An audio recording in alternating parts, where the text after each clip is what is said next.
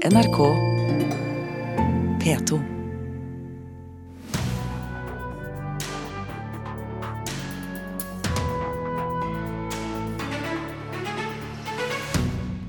Ny rapport avslører hvordan du kjøper falske nyheter til en billig penge. Musikkvitere jubler og kaller det en sensasjon. Har funnet tre ukjente verk av den russiske komponisten Sjostakovitsj. Og Statens strålevern fraråder bruk av laser mot publikum på konserter. Dette er Kulturnytt denne mandagen. Mitt navn er Stine Tråholt. Velkommen. En ny rapport har kartlagt hva det koster å lage falske nyheter for å sverte journalister og politikere. Og det er ikke nødvendigvis så dyrt. For for 75 øre så kan du kjøpe manipulerte avstemninger til meningsmålinger i sosiale medier. Og ønsker du å diskreditere en journalist, så koster det en halv million kroner for en fire ukers kampanje. Og den falske nyheten de spres på nettet ved hjelp av roboter. Tore Bergsaker i faktasjekktjenesten faktisk.no synes dette er skremmende. Eh, det er veldig lett å lage det, det er veldig lett å publisere det, det er veldig lett å spre det og få stor spredning på det. Og det krever masse tid og ressurser på å ettergå dem. Har du en falsk nyhet som du ønsker å spre? Det finnes nemlig byråer som tilbyr alt fra produksjon av falske pressemeldinger og falske nyheter, til manipulering av hendelser, samt markedsføring og spredning av de falske nyhetene.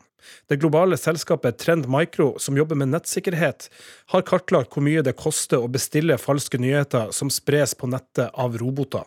Tore Bergsaker, som jobber i faktisk.no, som er Medie-Norges nye spesialenhet mot falske nyheter, sier at det er veldig vanskelig og ressurskrevende å stoppe falske nyheter. Det å dokumentere at falske nyheter ikke stemmer, er en mye mye vanskeligere oppgave enn å produsere falske nyheter. Det er veldig fort gjort å lage en eh, løgn, men det tar veldig lang tid og eh, dokumentere at den ikke stemmer. Et eksempel fra rapporten viser at det i Mexico vil koste en halv million kroner å kjøpe et kampanjeprogram for å diskreditere en journalist man ikke liker. Men hvem er det som er interessert i å kjøpe det her?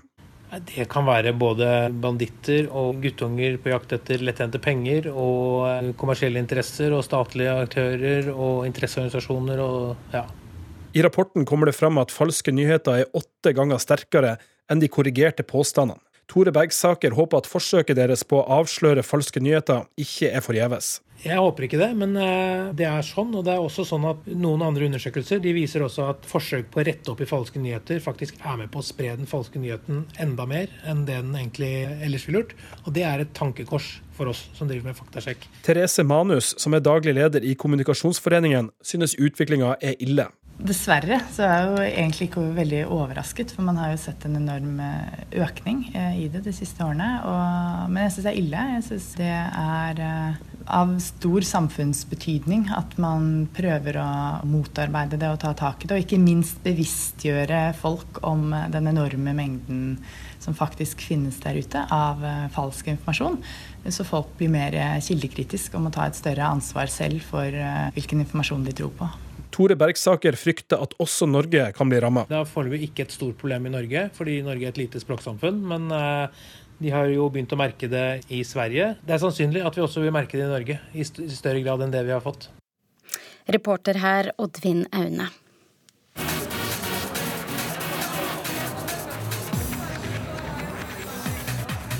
Laserlys som danser over scenen på konserter, er ikke et ukjent fenomen. Men om du får laserlysstråler direkte mot deg, så kan det føre til alvorlige øyeskader.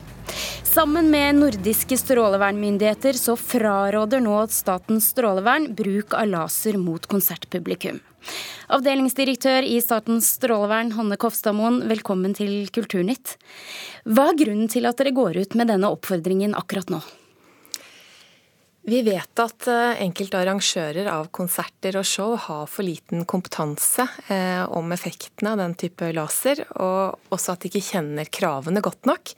Derfor så jobber eh, Strålevernet i Norge sammen med de andre nordiske strålevernsmyndighetene kontinuerlig for å opplyse bransjen om hvilke krav som finnes og hvilke hensyn de må ta. Så syns vi det er ekstra aktuelt å gå ut med dette nå i sommermånedene, hvor vi vet at det er masse konserter og festivaler rundt omkring. Hva slags øyeskader kan man få hvis man får slike stråler mot seg? Eh, det som skjer er at Man kan få en, en forbrenning på netthinnen som kan skape arrdannelser, eh, og som i verste fall kan gi permanent nedsatt syn. Men er det ikke da lurt å bare forby det hele? Bruk av laserstråler? Vi har eh, ulikt regelverk på lasere. Eh, såkalte håndholdte laserpekere er forbudt å bruke uten godkjenning fra Strålevernet. Eh, når det gjelder disse showlaserne, så er det lov å bruke de under kontrollerte forhold. Vi fraråder å bruke de over publikum fordi vi vet at det er et stort farepotensial. Hvis man blir skadet, man står på konsert, og så seiler disse strålene over deg, hva skal man gjøre da? Eh, som arrangør så skal man alltid melde fra til Strålevernet dersom det skjer en hendelse. Eh, som publikum så vil jeg anbefale å ta kontakt med lege for å få undersøkt det hvis man opplever ubehag i etterkant av en konsert. Eh, også gjerne melde saken til Strålevernet. Fins det eksempler på at dette har skjedd i Norge? Jeg er ikke kjent med at det finnes eksempler på, på at det har skjedd på konserter. Imidlertid så finnes det eksempler på at enkelte har blitt bestrålt av en laserpeker og fått uh, varige synsskader av det. Men én ting er publikum, hva med artistene som står på scenen? Artistene på scenen må man også ta hensyn til. Vi fraråder å stråle direkte på en hvilken som helst person. Hvis man skal bruke lasere, eh, så bør de gå i lufta og ikke ned på øynene til de som står der. Du sa innledningsvis her at arrangører vet lite, eller kanskje ikke nok, om hvordan de bruker det. Så hva blir oppfordringen deres nå, da? i sommer? Vår oppfordring er å ikke bruke den type stråling utover publikum. Eh, og hvis man likevel eh, vil bruke den type effekter, så må man sørge for at eh, disse har den kvaliteten de skal ha. Og så må man gjøre oppmålinger før hvert show for å sikre at laserstrålene ikke overskrider grenseverdiene. Tusen takk til deg, Hanne Kofstadmoen fra Statens strålevern.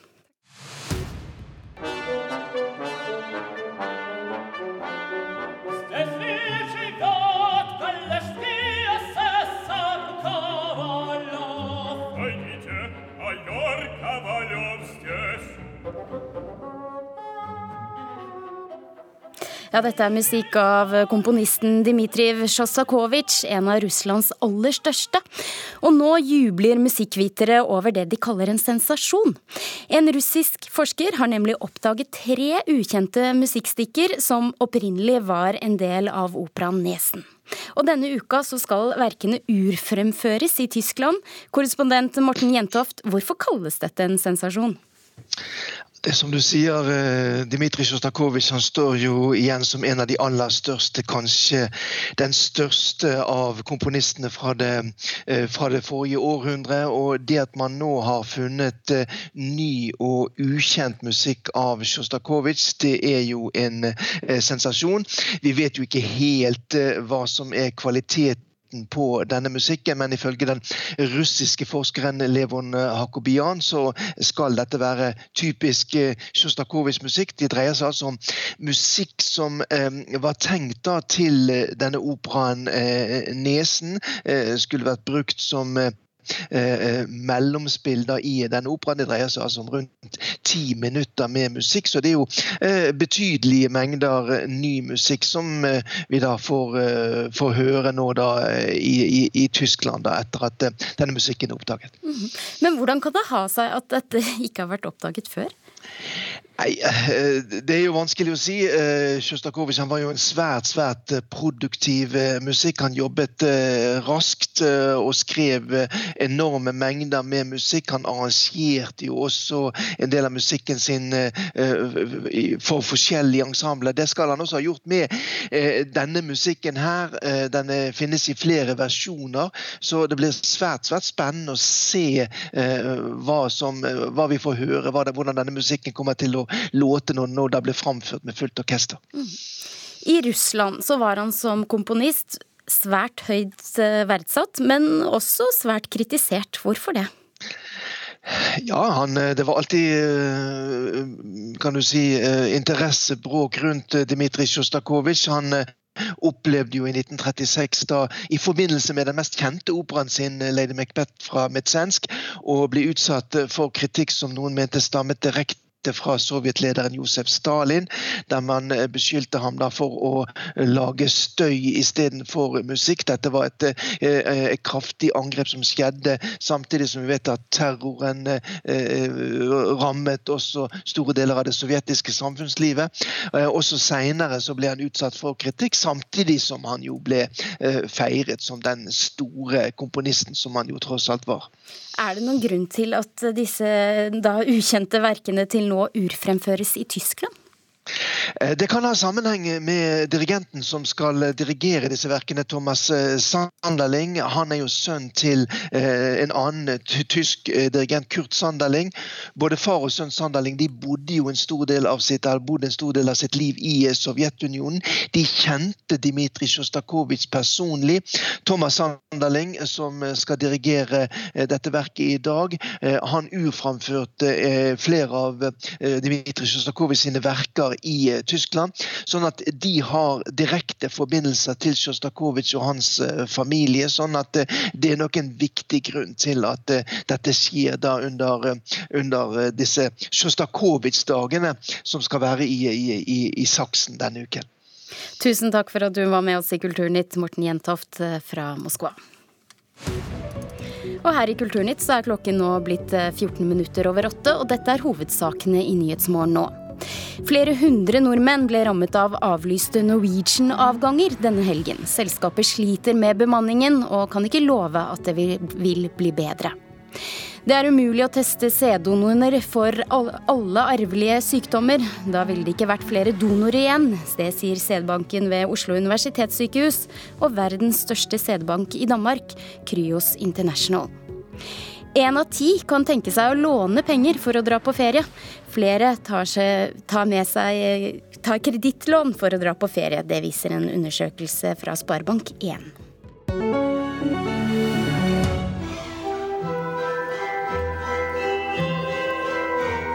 Dear Mr. Potter. You have been accepted to Hogwarts School of Witchcraft and Wizardry. Ah, dette er fra filmen Harry Potter og De visets stein. Den kom ut i 2001.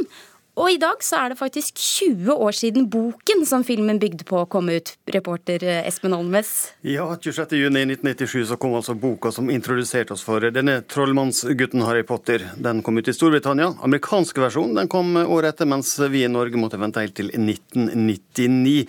I alt har det kommet sju bøker og åtte filmer. Bøkene er oversatt til 79 språk i 200 land og solgt i 450 millioner eksemplar på verdensbasis, og det har gjort forfatteren JK Rowling til milliardær der. Ja, Da er det jo når, altså på sin plass, får man vel si, å ta en liten prat om det. Men Espen Alnes, hvilken betydning eh, har bokserien hatt? Ja, Det er vel få barnebokserier som har hatt større kommersiell og kulturell innvirkning. Harry Potter har fått æren for å ha en hel generasjon med barn og unge til å begynne å lese. Og han har satt spor etter seg også langt utafor permene og filmlerretet. I dag så kan du gå på egne Harry Potter-temaparker både i USA og Japan. Og i London så har det blitt ei permanent Potter-utstilling i Warner Bros Studios. I tillegg har det blitt laga teaterstykke som en slags fortsettelse på bøkene og filmene. Og det har gått for full hus i London. og til neste år så står Broadway for tur. Og Har du klart å snappe opp hvordan 20-årsdagen feires i dag verden over? Ja, hvordan er det 20-åringer feirer dagene sine nå til dags? Nei, det finnes nok fans over hele verden som kommer til å gjøre det på sin måte, men det blir liksom arrangert uh, mer offisielle ting også. Egne leserarrangement eller lesefester der fans kan kle seg ut som figurer fra bokserien. Disse blir holdt i bibliotek, bokhandlere og britiske ambassader. Det første arrangementet skal være i gang i Australia nå, og de siste lesefestene skal arrangeres i Canada og den amerikanske vestkysten til natta. Tusen takk, reporter Espen Alnes.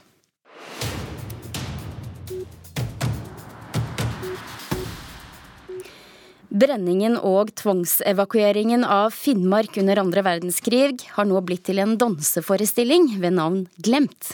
I helga så var det urpremiere under Festspillene i Nord-Norge, og spiren til forestillingen var et spørsmål som danser og koreograf Simone Grøtte stilte sin egen bestefar. Jeg spurte bestefar hvilken lyd han huska best fra krigen. Og da fikk jeg svaret det med den luka som skalka igjen over på båten når de ble tvangsevakuert da når eh, ubåtalarmen gikk. Og det gjorde veldig sterkt inntrykk på meg. Og det, det, gjorde at jeg skjønte at det her Så lite vet jeg. Jeg må vite mer, og jeg må fortelle og være med og formidle. Fem dansere framfører et av de mørkeste kapitlene i norsk historie da Finnmark ble brent og lokalbefolkninga tvangsevakuert. Danser og koreograf Simone Grøtte fra Lakselv har jobba med Glemt i mer enn tre år. Ei forestilling hun bare var nødt til å lage. Det er jo en del av vår historie som jeg føler vi kanskje vet for lite om. Til og med jeg som er vokst opp i Finnmark, vet for lite om den. Og den har jo vært med å forme oss, som all historie. Det, det gir jo det, det gir ringvirkninger inn i, inn i framtida også. Og det å kjenne sin egen historie og lære av den, og kunne se at de, det er sånn som folk hadde det da, de drømmene og håpene og ønskene, det handler jo bare om mennesker. Så jeg følte jo et ansvar for at nå er jo denne generasjonen eh, Ja, den generasjonen som jeg er, da, vi har et ansvar for å fortelle det her og ta det med oss og lære av det og formidle videre, så det ikke blir glemt. Det eneste at man følte seg kanskje litt, eh, litt mindreverdig ikke sant, når du, når du skulle Hjalmar Pedersen var 11 år gammel da han i lag med familien ble tvangsevakuert fra Ytre Billefjord. 1800 finnmarkinger ble stua i hop om bord i et tysk lasteskip, hvor forholdene var så elendige at mer enn 20 personer døde. Hjalmars historie har blitt en del av Glemt, og han berømmer barnebarnets arbeid med å bringe det han opplevde, videre. Nei, jeg syns det er helt fantastisk at hun drister seg til å ta et sånt tak. Scenografien i Glemt er symboltung med et dunkelt scenerom og med svartbrente plankebiter som henger fra taket. Men hvordan formidler man krigshistorie gjennom dans? Hvordan danser man ei tvangsevakuering? Det abstrakte som dansen bringer inn i en historie, kanskje kan gjøre at noe vi kjenner til, eller det er så et tema som man har hørt om, kan, man kan få rom til å tolke og føle og trekke sine egne slutninger inn i det. Eh, det gir større rom for publikum eh, sin opplevelse, da. Eh, det er det jeg elsker med, med dansen sa Simone Grøtte til reporter Rune Norgård Andresen. Regissør Ole Giæver er denne uka på en liten norgesturné med sin nye film Fra balkongen. Den vises i Tromsø i dag, i Trondheim i morgen og i Bergen på onsdag. Og på fredag så har den norgespremiere over hele landet. NRKs filmkritiker Birger Vestmo kaller Fra balkongen et filosofisk essay som er prisverdig levende og lekende i formen. Jeg bor i verdens rikeste land. Det er få reelle bekymringer. Men det er også langt mellom de store følelsene.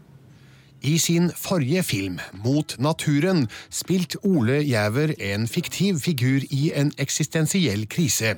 I Fra balkongen er han seg sjøl, og man aner at det her er et steg videre i en slags sjølterapeutisk prosess. Gjæver har regissert et filosofisk essay som formidler mange åpenhjertige betraktninger rundt livet som jeg vil tro mange kan kjenne seg igjen i.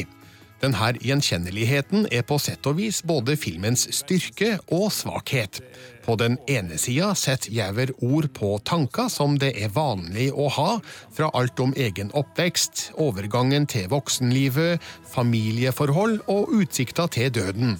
Og på den andre sida gjør det her at filmens innhold til tider kan virke litt banalt og selvfølgelig. Av og til er betraktningene i enkleste laget nesten litt naive.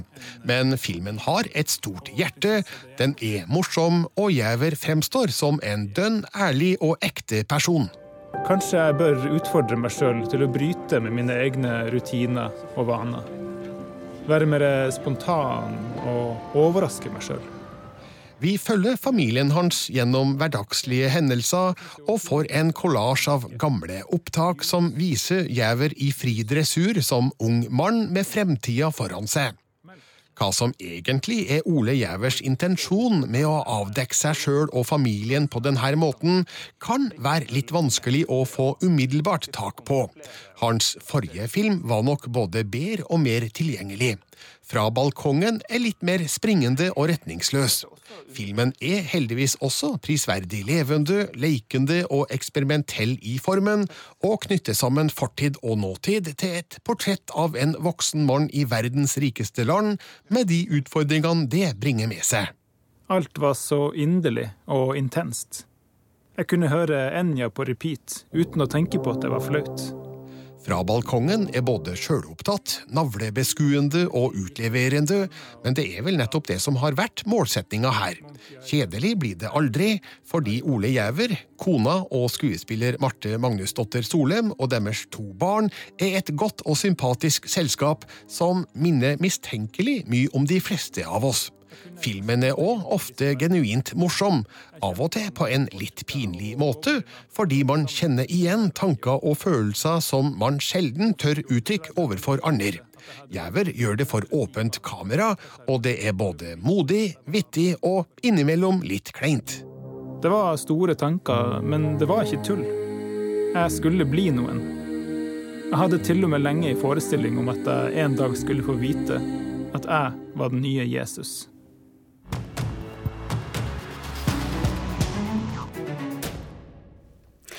Forfatter av en internasjonal bestselger, slik omtaler forlaget Maja Lunde.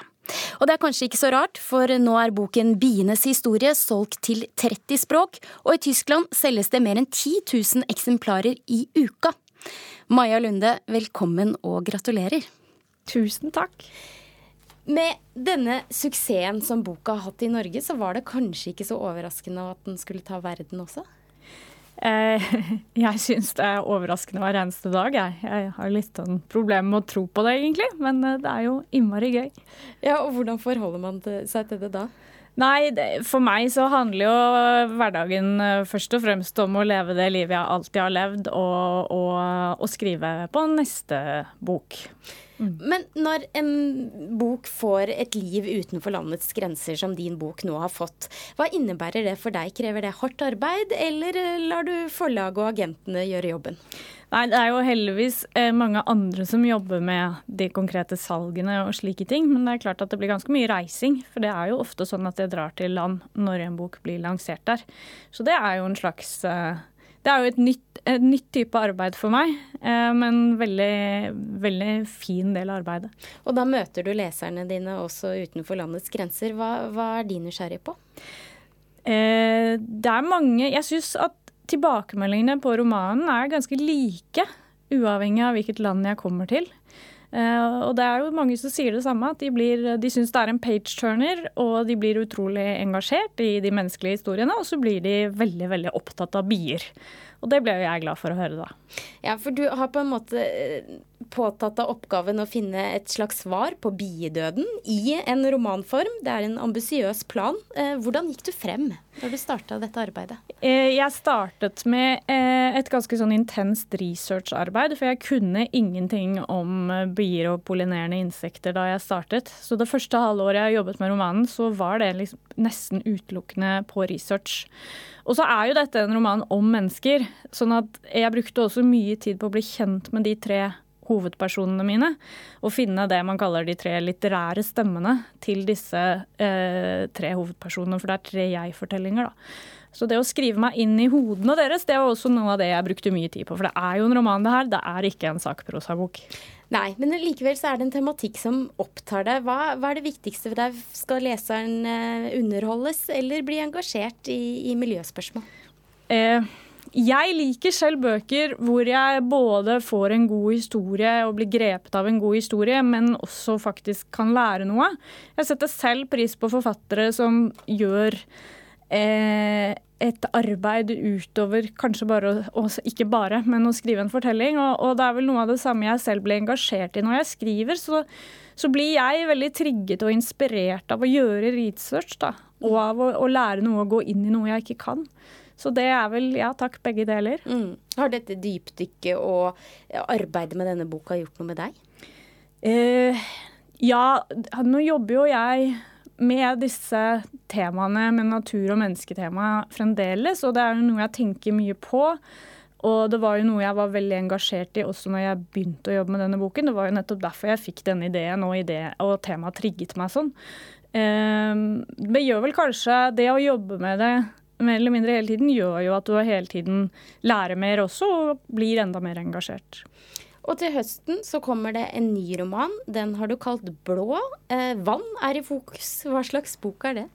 Du, da jeg jobbet, eh, skulle skrive, begynne på den neste romanen etter bienes historie, så ble det ganske fort tydelig for meg at jeg ikke var ferdig med temaet natur og menneske. Eh, og eh, etter hvert så kom ideen om at dette faktisk var ikke bare to bøker, men kanskje til og med fire. Eh, og, og, med utgangspunkt i det så begynte jeg å jobbe på denne nye boka som handler om vann.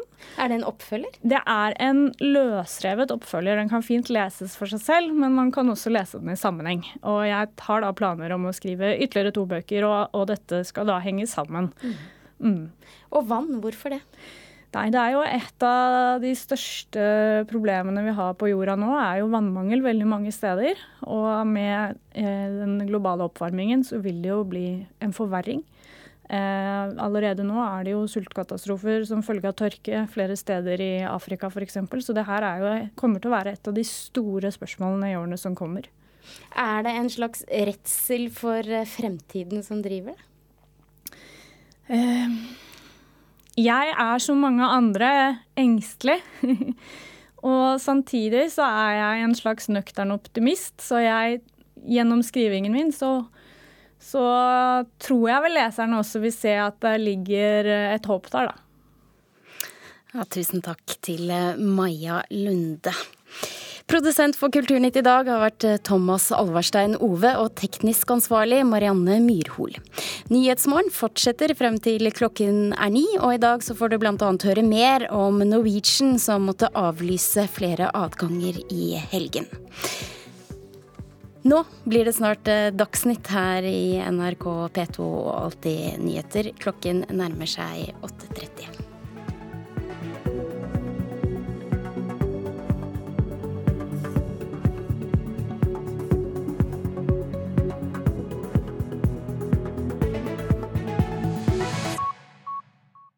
Hør flere podkaster på nrk.no podkast.